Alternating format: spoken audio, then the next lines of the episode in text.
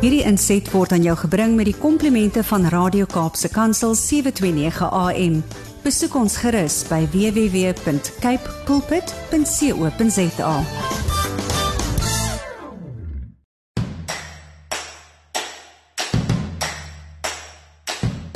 Dit is 'n Saterdag, die 18de Maart 2023, net na 7, jy's ingeskakel by Kaapse Kansel 729 AM.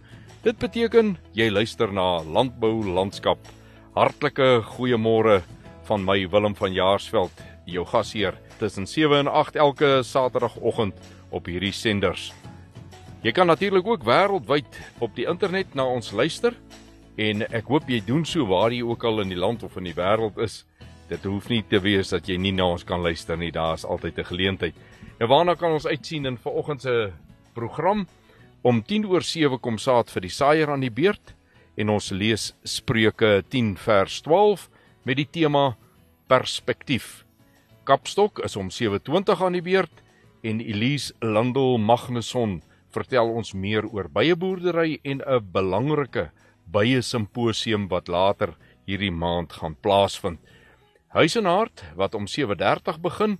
Se eerste gedeelte is 'n uh, baie interessante een weer, 'n voortsetting eintlik van 'n ander gesprek wat ons al so die afgelope 2 uh weke gehad het en ge, kollega Gerda Leroux gesels verder met Johan Keiser oor koöperasies. Vandag is gesels Johan oor die verskillende tipe koöperasies en hoe elkeen opgerig word.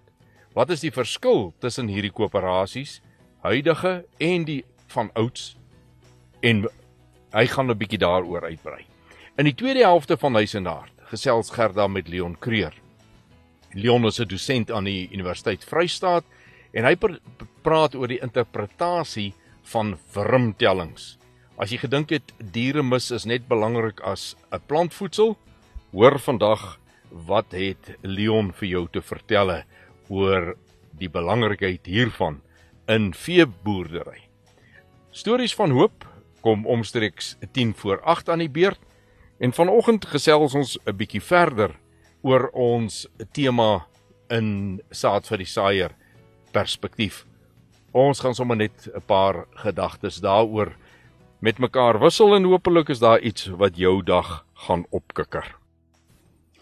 Landbou landskap word aan jou gebring met die komplimente van Cape Pots varsprodukte mark.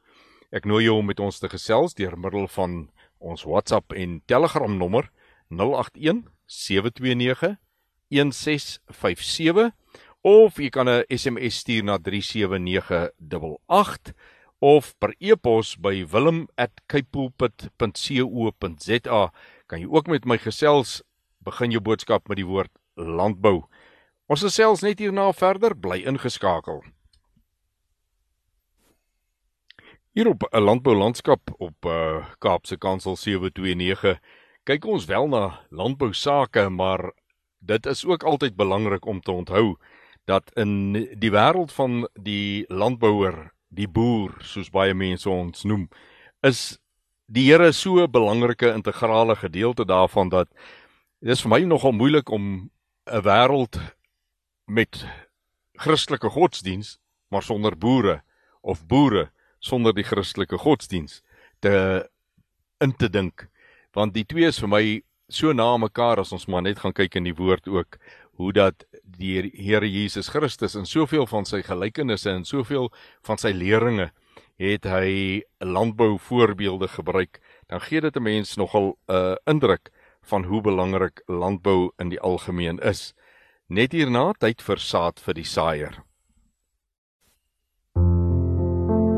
Dit het nou tyd geword vir saad vir die saaier en vir oggend met die tema perspektief lees ons uit Spreuke 10 en wel die 12de vers. Daar staan: Haat verwek twiste, maar liefde bedek al die oortredinge. Is 'n baie kort versie hierdie in die Bybel.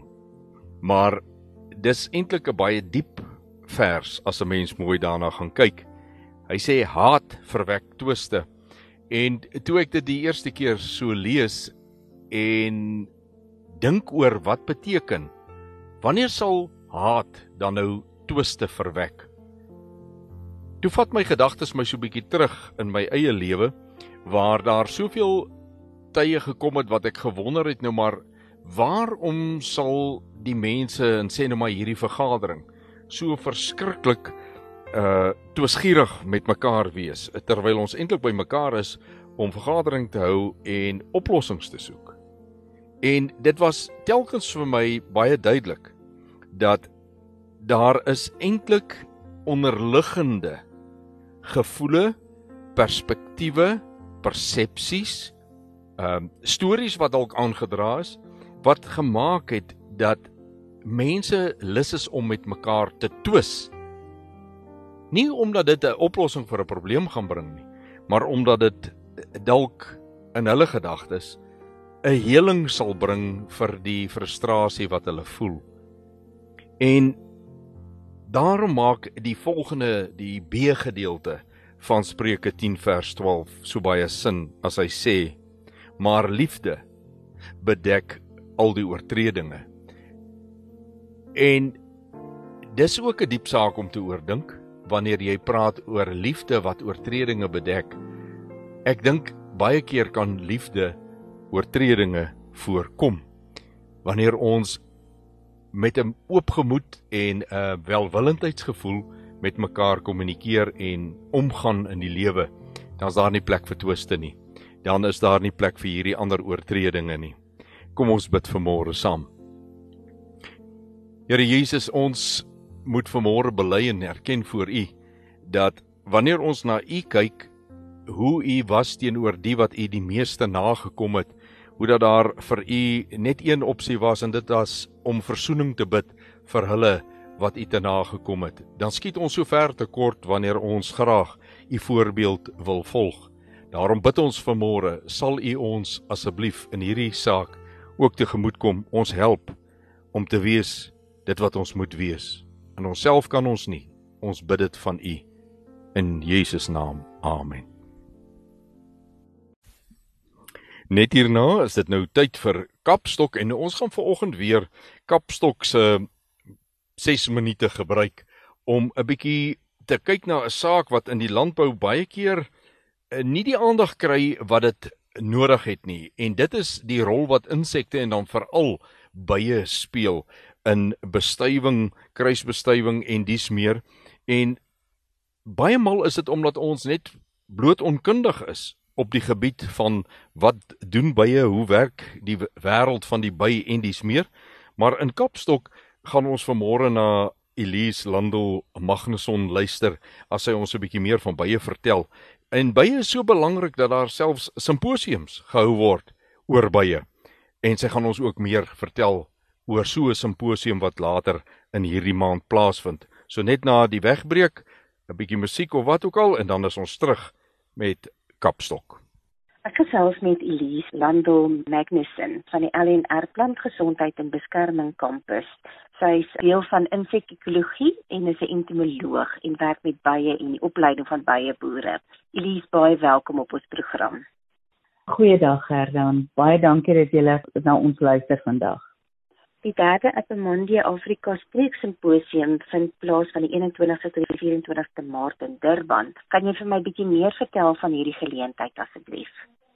O, dit is 'n wonderlike geleentheid. Baie boere van dwars oor Afrika en Suid-Afrika kry die geleentheid om na 'n simposium te kom waar hulle kan kom luister na ander baie boere en navorsers van dwars oor Afrika en Suid-Afrika wat hulle meer vertel van bye en van bye siektes en wat gaan aan in bye boerdery in hulle lande en in Suid-Afrika. So dit is 'n geleentheid vir boere om bietjie meer te leer oor bye boerdery. Ek verstaan ook dat julle tydens hierdie geleentheid 'n heuningkompetisie aanbied. Waarom bied julle so 'n kompetisie aan?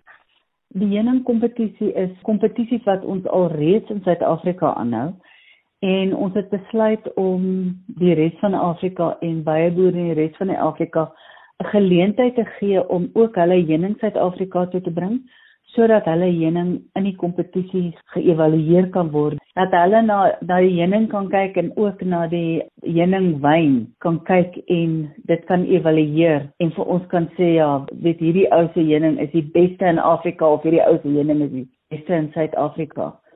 Wie kan inskryf? Enige byeboer in Suid-Afrika kan inskryf en enige byeboer in die res van Afrika kan inskryf. Hulle kan net op die webwerf kyk en dan kan hulle inskryf. Lies, wat is die waarde daarvan om deel te neem aan hierdie kompetisie? Weet jy as jy 'n eerste plek gekry het, kan jy dit op jou bottel sit en mense wat die heuning koop kan sien hierdie persoon se heuning is spesiale heuning. Hulle kyk mooi na hulle heuning. As hulle dit afhaal of die heuning afhaal, is dit Suid-Afrikaanse heuning. As hulle dit afhaal, is dit netjies gedoen, skoon gedoen. Die heuning is perfek. As jy dan so 'n stiker of so ietsie op 'n ou se heuning sien, kan jy weet hierdie heuning is topgehalte. Kan jy vir my meer vertel oor die heuning wat ingeskryf word in die heuningprodukte? Die klasse wat daar is, is ligte heuning. Dit is die heuning wat jy amper deur dit sien.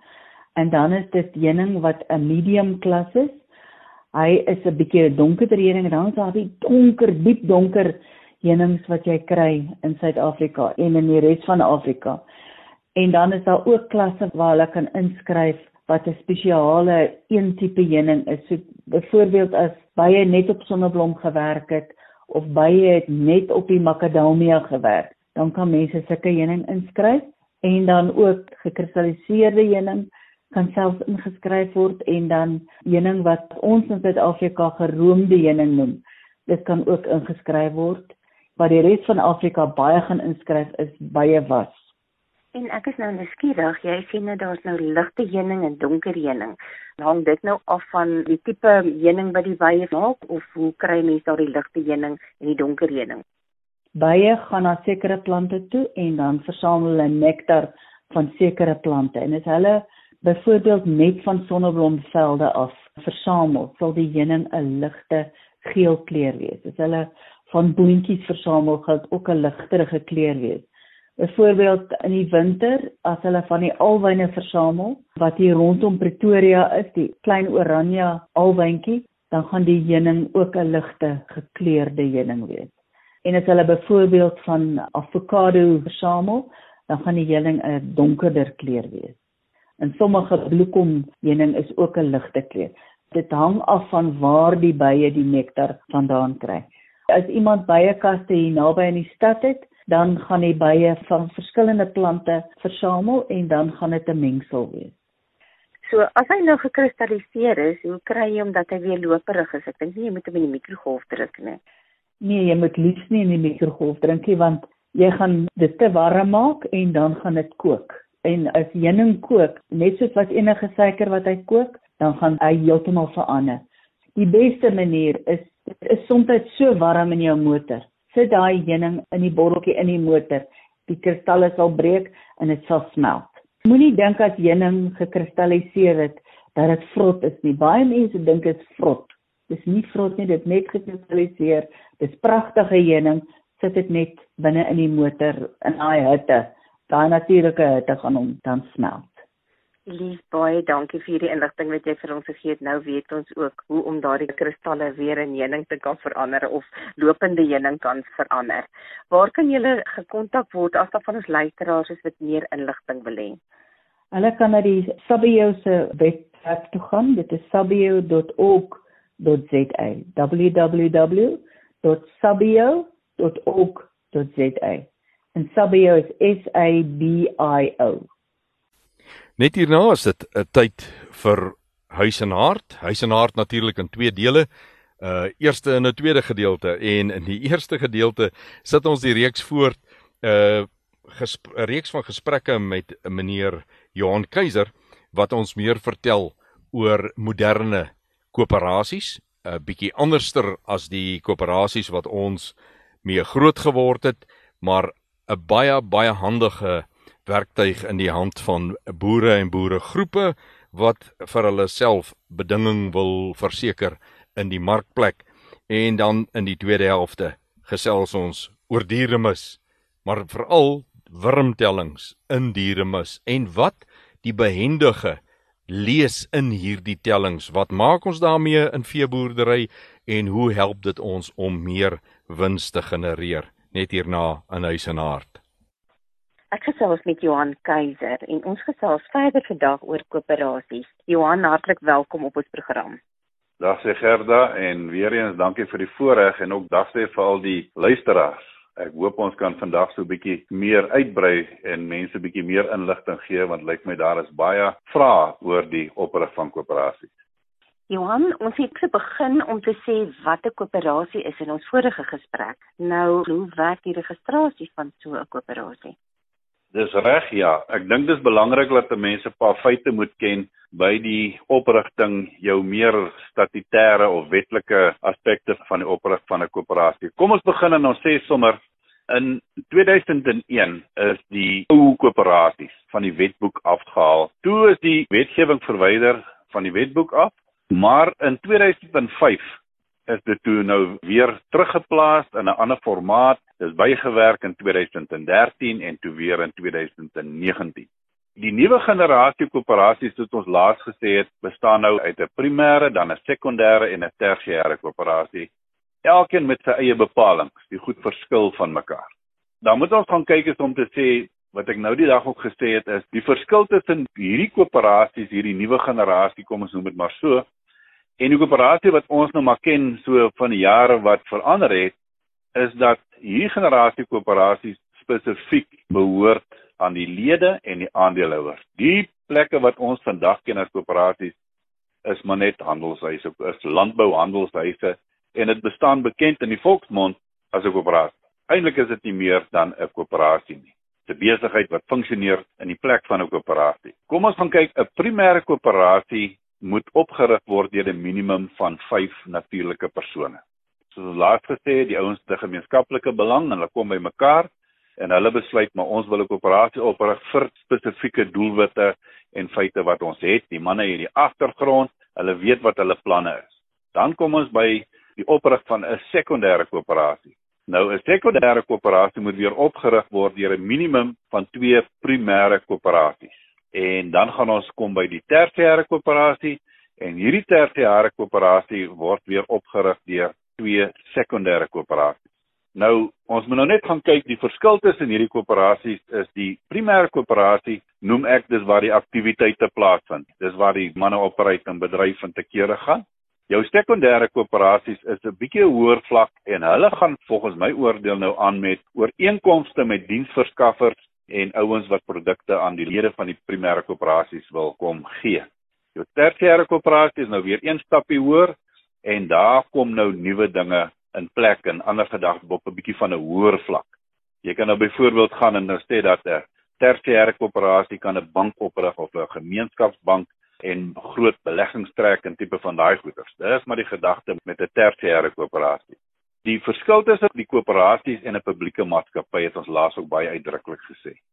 'n Publieke maatskappy het aandeelhouers en die maatskappy tree op ten opsigte van die aandeelhouers. Waar jou koöperasie het so 'n klein bietjie van 'n verskil en jy het dan aandeelhouers en ook lede. 'n Maatskappy het net aandeelhouers, hy het nie lede nie. So, die nuwe generasies wat ons oor gepraat het laas, bestaan uit hierdie lede en dan ook aandeelhouers soos ons gesê het en hierdie lede se regte word in die wet aangeteken. Die aandeelhouers se regte word bepaal in die grondwet. Ons gaan nou 'n bietjie praat oor hierdie grondwet.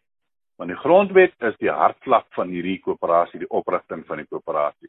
Wanneer 'n mens dan kom by die oprigting en die saamstel van 'n koöperasie, hier waar die ouens klei trap en nie verstaan wat reguleer hierdie koöperasie.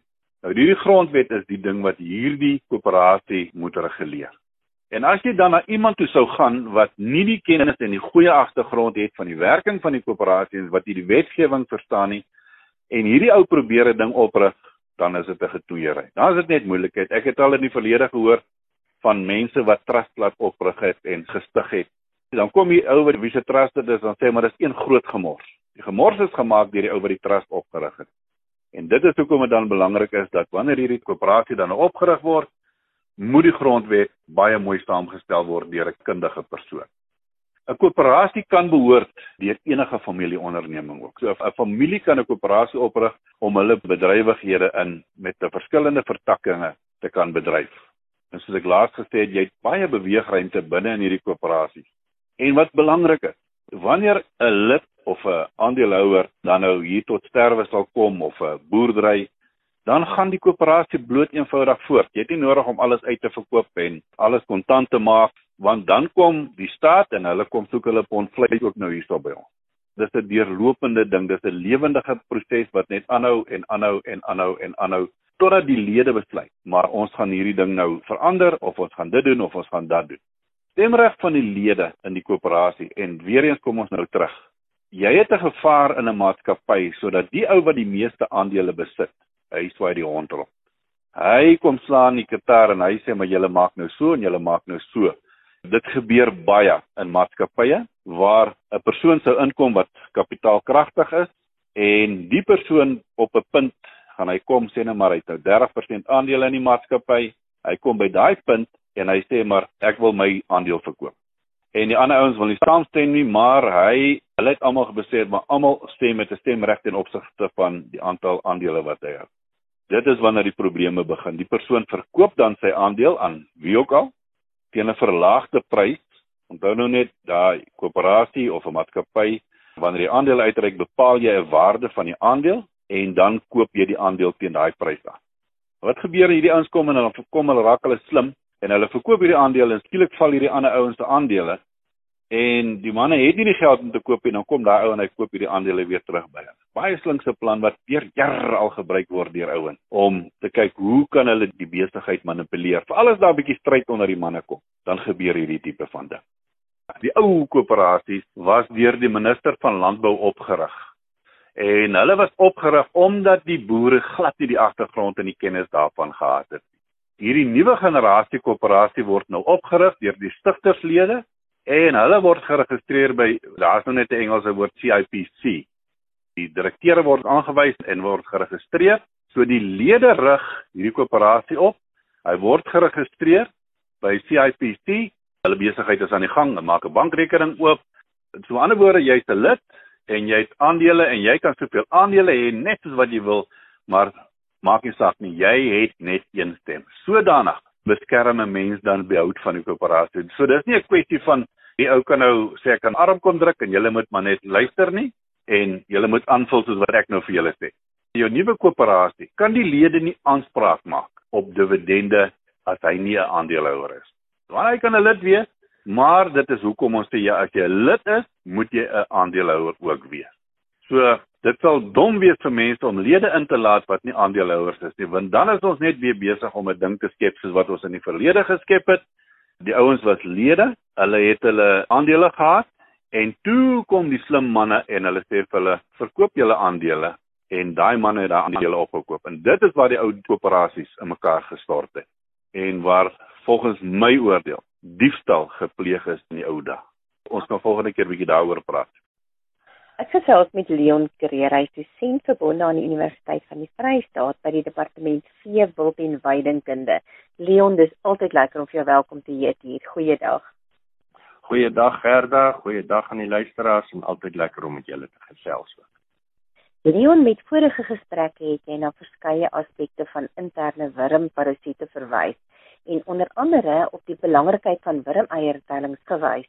Kan jy ons vandag meer vertel van hoe om die resultate van wurmeiertellings te interpreteer asseblief? Ja, Gerda, graag. Maar kom ek herinner net eers gou weer die luisteraars aan wat is 'n wurmeiertelling of baie mense ken dit ook as 'n miseiertelling.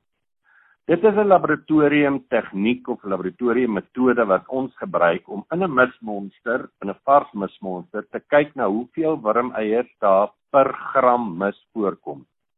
Nou dit is 'n meer kwantitatiewe as 'n kwalitatiewe resultaat wat ons uit daai metode uitkry, maar dit verskaf aan ons die vermoë om veranderinge oor tyd waar te neem en meer belangrik nog om die effektiwiteit van ontwurming behandeling te kan bevestig. Nou die eerste interpretasie wat 'n mens maak op grond van 'n positiewe miseiertelling is natuurlik daar is wurms teenwoordig in die dier anders hy nie 'n positiewe telling nie. Maar nou moet ek bynoem dat die teenwoordigheid van wurms in 'n skaap of 'n bok amper 'n gegewe is. Maak nou nie saak waar ons is nie. behalwe dalk in die baie droë Noord-Kaap, maar maak nie saak waar ons is nie, diere gaan wurms hê, jou skape gaan wurms hê. En dit hang nou af hoeveel van die wurms die gasheer huisves wat gaan bepaal of hierdie wurms gaan 'n negatiewe effek gaan hê op die gasheer en op die produksie van die gasheer. Mens moet nou ook verstaan, ons moet altyd daarin 'n paar wurms hê want dis hoe die dier immuniteit opbou teen die wurm.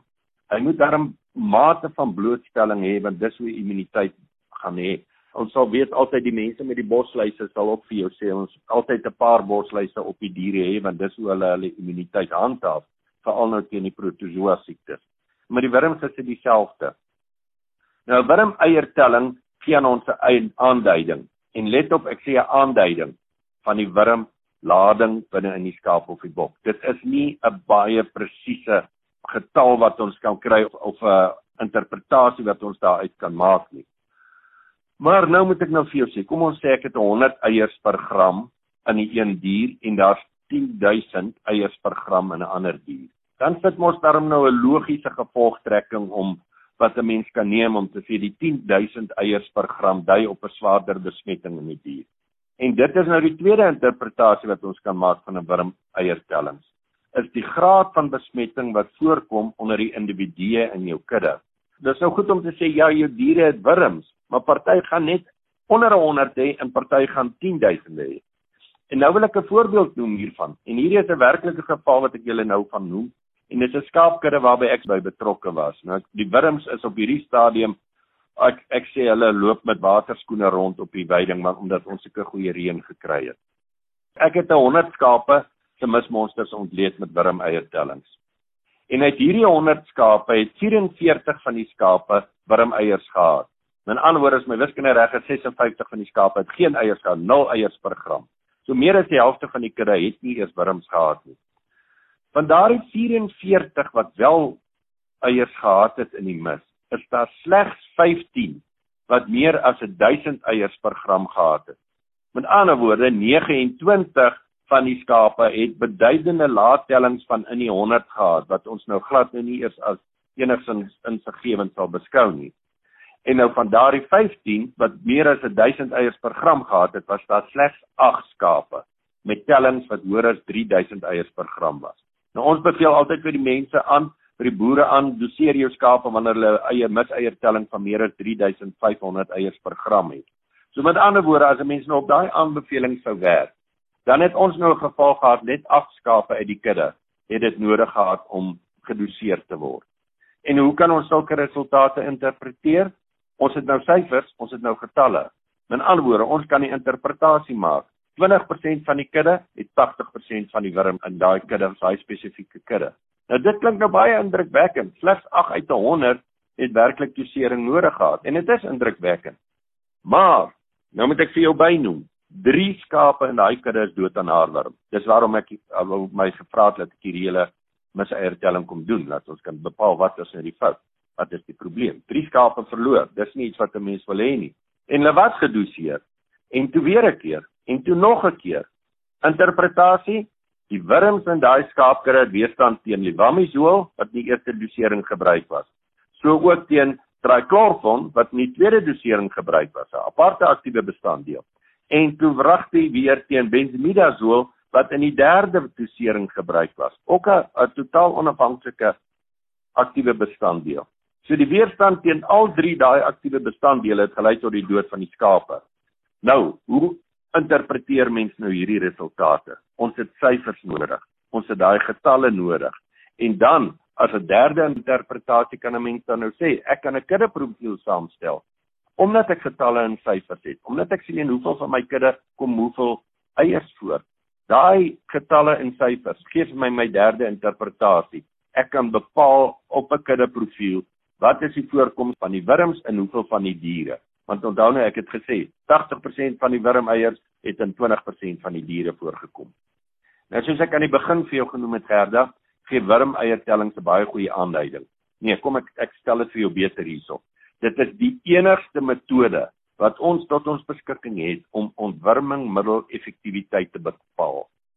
Kom ek noem 'n weer 'n voorbeeld vir jou. Uit dieselfde kudde wat ek nou net bespreek het, werklike geval, paar weke gelede in hierdie tye. Een ooi presenteer met 'n wurmeiertelling van 1300 eiers per gram. Ons doseer daar 10 dae later word 'n opvolgwurmeiertelling gedoen want ek wil nou middeleffektiwiteit bepaal. Nou het sy 2200 eiers per gram. Met ander woorde, wat is die interpretasie wat ek hier uit kan maak?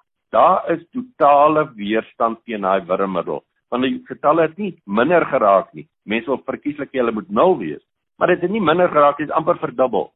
So word ons doseer met 'n ander middel. In hierdie geval was ek nou bang vir die dier se lewe en ons doseer met 'n middel en 10 dae later weer 'n verdere opvolg miseiertelling. Nou het sy 'n miseiertelling van 0. Wat die interpretasie? Ek het 'n effektiewe middel wat werk. So hierdie vierde interpretasie wat ons nou kan maak van wurmeiertelling is bevestiging van wurmmiddel effektiwiteit.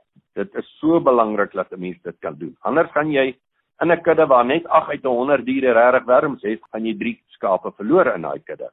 Dis wat gebeur het in hierdie geval. So, om op te som vir jou Gerda, die interpretasies wat mens maak op grond van miseierstellings is gebaseer suiwer op syfers en getalle en nie raaiwerk nie. Ons hoop nie die middel werk nie, ons toets of die middel werk. Dit bewys eerstens teenwoordigheid van wurms. So ons hoef nou nie dierontwurmingsmiddels te gaan doseer aan diere wat nie het nie. Onthou ek het gesê meer as helfte van die kudde het geen wurmeiertellings gehad nie, nul gehad. Tweedens, dit gee aanduiding van wurmlading ons hoef slegs diere te doseer wat hoë wurmladings het wat produksie affekteer. So ons kan die ander diere met laer ladings los. Op daai manier selekteer ons nie vir weerstand teen die wurmmiddels nie. Derde interpretasie, dit verskaf die syfers om 'n kudde profiel saam te stel. Ek wil vir die boere sê dis so belangrik dat jy weet wat gaan aan in jou kudde. Onthou daar was slegs 15 skape uit die 100 wat meer as 1000 eiers per gram gehad het en dan nou vierdens dit bewys die effektiwiteit van die wurmmiddel of die weerstand daarteen. En uit die voorbeeld, drie skape dood as gevolg van weerstand teen drie aktiewe bestanddele. En daai weerstand kon ons slegs deur wurmeiertellings bepaal het. En dit in kort gerda is min of meer die algemene interpretasies wat ons kan maak uit wurmeiertelling resultate. Leon baie dankie vir hierdie inligting. Ons het regtig waar vandag baie geleer. Waar kan jy gekontak word vir verdere inligting? Hulle is welkom om my te kontak. My e-posadres is creer3@tfs.ac.za en my selfoonnommer is 082 6632664. Ons het vanmôre in saad vir die saaier aan die hand van Spreuke 10 vers 12 het ons 'n bietjie begin gesels oor perspektief en die saak daar het gegaan of in Spreuke 10 gaan die saak steeds daaroor dat ons ons het nodig om 'n ander perspektief te kry op sake. Ehm uh, en gewoonlik is ek wou amper sê die meeste mense in die natuurlike mens se manier hoe jy na 'n saak kyk is vanuit jou eie gevoel. Die manier van dis hoe ek voel oor 'n saak en daarom sien ek die feite soos wat ek dit sien of ek voel so oor 'n situasie en daarom kan ek net op 'n sekere manier reageer op dit wat binne 'n situasie bespreek of gedoen moet word. Of natuurlik die ander ene is om wel dit is my persepsie van jou of dit is my ervaring van jou as persoon En daarom wanneer ek met jou interaksie het, wanneer ek met jou praat, dan kom ek vanuit die perspektief dat eintlik is jy nie my goedgesind nie of eintlik is ek nou nie vir jou lus om na jou te luister eers nie en nou word jy aan my opgedring deur 'n situasie wat ek nou eenvoudig met jou moet praat. Ag en dan haal ek sommer die uh messie uit en ek skille appeltjie met jou uh oor 'n ding van die verlede, 'n manier hoe ek gevoel het en dalk vandag nog voel. Nou dit is waar ons probleem vandaan kom met twiste. Wanneer twiste 'n uh, gang, die gang van 'n uh, saak, 'n uh, bespreking, 'n uh, samewerking beïnvloed. En en die, die lelike daarvan is natuurlik dat so 'n uh, verkeerde persepsie of dan so 'n uh, gevoel het die manier om goeie samewerking en vooruitgang net eenvoudig tot struikeling te bring. Dit dit kan nie gebeur nie. Nou as ons weer kyk na wat in Spreuke 10 vers 12 staan, haat verwek twiste. Ek het reeds die voorbeeld genoem van wanneer ons binne 'n uh, noem dit nou 'n vergadering. Wat is tipies waar mense van verskillende kante af bymekaar kom om oor 'n gemeenskaplike saak te gesels. En dan is die eintlike rede hoekom mense bymekaar kom in 'n vergadering is om te sê hier's 'n krisis of 'n probleem en ons het almal se kundigheid, insig en uh, wysheid nodig om by iets beters uit te kom en daarom hou ons 'n vergadering oor 'n saak en ons het eintlik almal die behoefte om 'n oplossing vir hierdie krisis of saak dan nou te kry. Maar wanneer ek daarin stap met 'n gevoel van hatigheid, wrevelrigheid teenoor 'n ander persoon, dan kan daardie persoon die beste van wysheid op die tafel sit, die beste van voorstelle maak, maar die gevoel binne my sal maak dat ek altyd 'n fout soek en kry met dit wat daardie persoon sê. Ek sal nie eers self 'n baie goeie voorstel kan maak nie, maar omdat ek wil troef wat die ander ene sê, doen ek iets aan die hand en is sommer geafronteerd as dit nie die nodige aandag wat ek gereken het dit behoort te kry dan nou kry nie. Want eintlik was dit nie vanuit 'n 'n hart vol liefde wat ek 'n goeie voorstel maak nie dis eintlik om te weer lê dit wat 'n ander persoon wat ek dan nou 'n twis mee het 'n goeie voorstel gemaak het mense sien hierdie ding nie net in vergaderings nie wanneer kinders in 'n familie ook met mekaar twiste het wanneer daar twiste tussen ouers en kinders is kinders en ouers. En dan sien 'n mens hierdie ding soveel keer uitspeel. Ons noem dit net dis 'n generasiegaping. Daar's nie 'n generasiegaping nie. Daar's 'n absolute gaping wat deur haat gevul is. Daar is waarskynlik 'n gevoel van maar my ouer gee nie die nodige aandag aan my soos wat ek verdien nie. En daar in daai omstandighede stap 'n twis in. Die begin van 'n twis wat groei tot 'n enorme twis wat baie keer ook in 'n breekspel uitloop. Maar weer aan die hand van daardie skrif. As daar liefde is, dis die teenoorgestelde. Nou het ek nie haat nie, nou het ek liefde. Soveel keer in 'n 'n gesonde huwelik sal 'n mens dit beleef waar die een huweliksmaat teenoor die ander ene ooglopend bietjie verkeerd optree. Maar vanweë die liefdesband wat daar is, Die liefde wat gebou is met jare, deur ondervindinge saam en dis meer, is dit so erg so diep so sterk dat die verkeerd, die oortreding word bedek deur daardie liefde wat in die hart is. En dan kan ons vir mekaar en vir onsself eintlik eers vir onsself vra, waar staan ek met hierdie saak? Hoeveel keer is dit net nie in my in die lewe waar ek sien hoe dat die so 'n bietjie afgevoel wat ek teenoor iemand het, maak dat die uitkoms in ons verhouding baie verkeerd loop. Maar wanneer ek iemand met liefde benader, ook diegene wat ek nie goed ken nie, maar met liefde benader, dan kom dit en dit werp vrugte af. Dit dra vrugte wat vir almal 'n groot seën uitwerk. Ek wil jou vandag bemoedig. Kom ons doen dit vir al die B gedeelte van Spreuke 10 vers 12. En ons beheen sake vanuit 'n hart vol liefde vir mekaar. En so het ons aan die einde gekom van nog 'n landbou landskap saamkuier uh, hier op Kaapse Kansel 729 AM elke saterdagoggend tussen 7 en 8. Dit is nog steeds vir my 'n groot voorreg om met jou te gesels. Ek hou daarvan om met jou my leefwêreld te deel, die leefwêreld van die boer, die leefwêreld van landbou. Dit is nou maar net eenvoudig so dat dit altyd vir my een van die beste plekke sal wees. Ek sien nou die dag iemand sê stuur my hemel toe. Ek dink dis ergens op die platte land. Nou ja, ek wil vir jou sê, ja, ek uh ek ek dink ook dis hemels op die platte land. Ek sal nie sê die hemel nie, maar is hemels daar. Ons sê baie dankie aan Kypots varsprodukte mark wat dit vir ons weer moontlik gemaak het om vanmôre so met mekaar te kon gesels.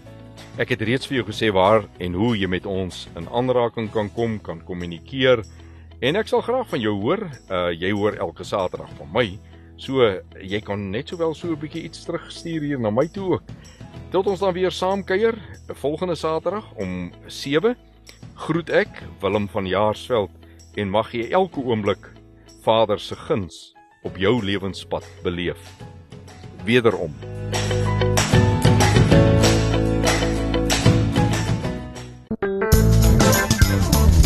This insert was brought to you by Radio K Pulpit 7 to 9 a.m. Please visit kpulpit.co.za.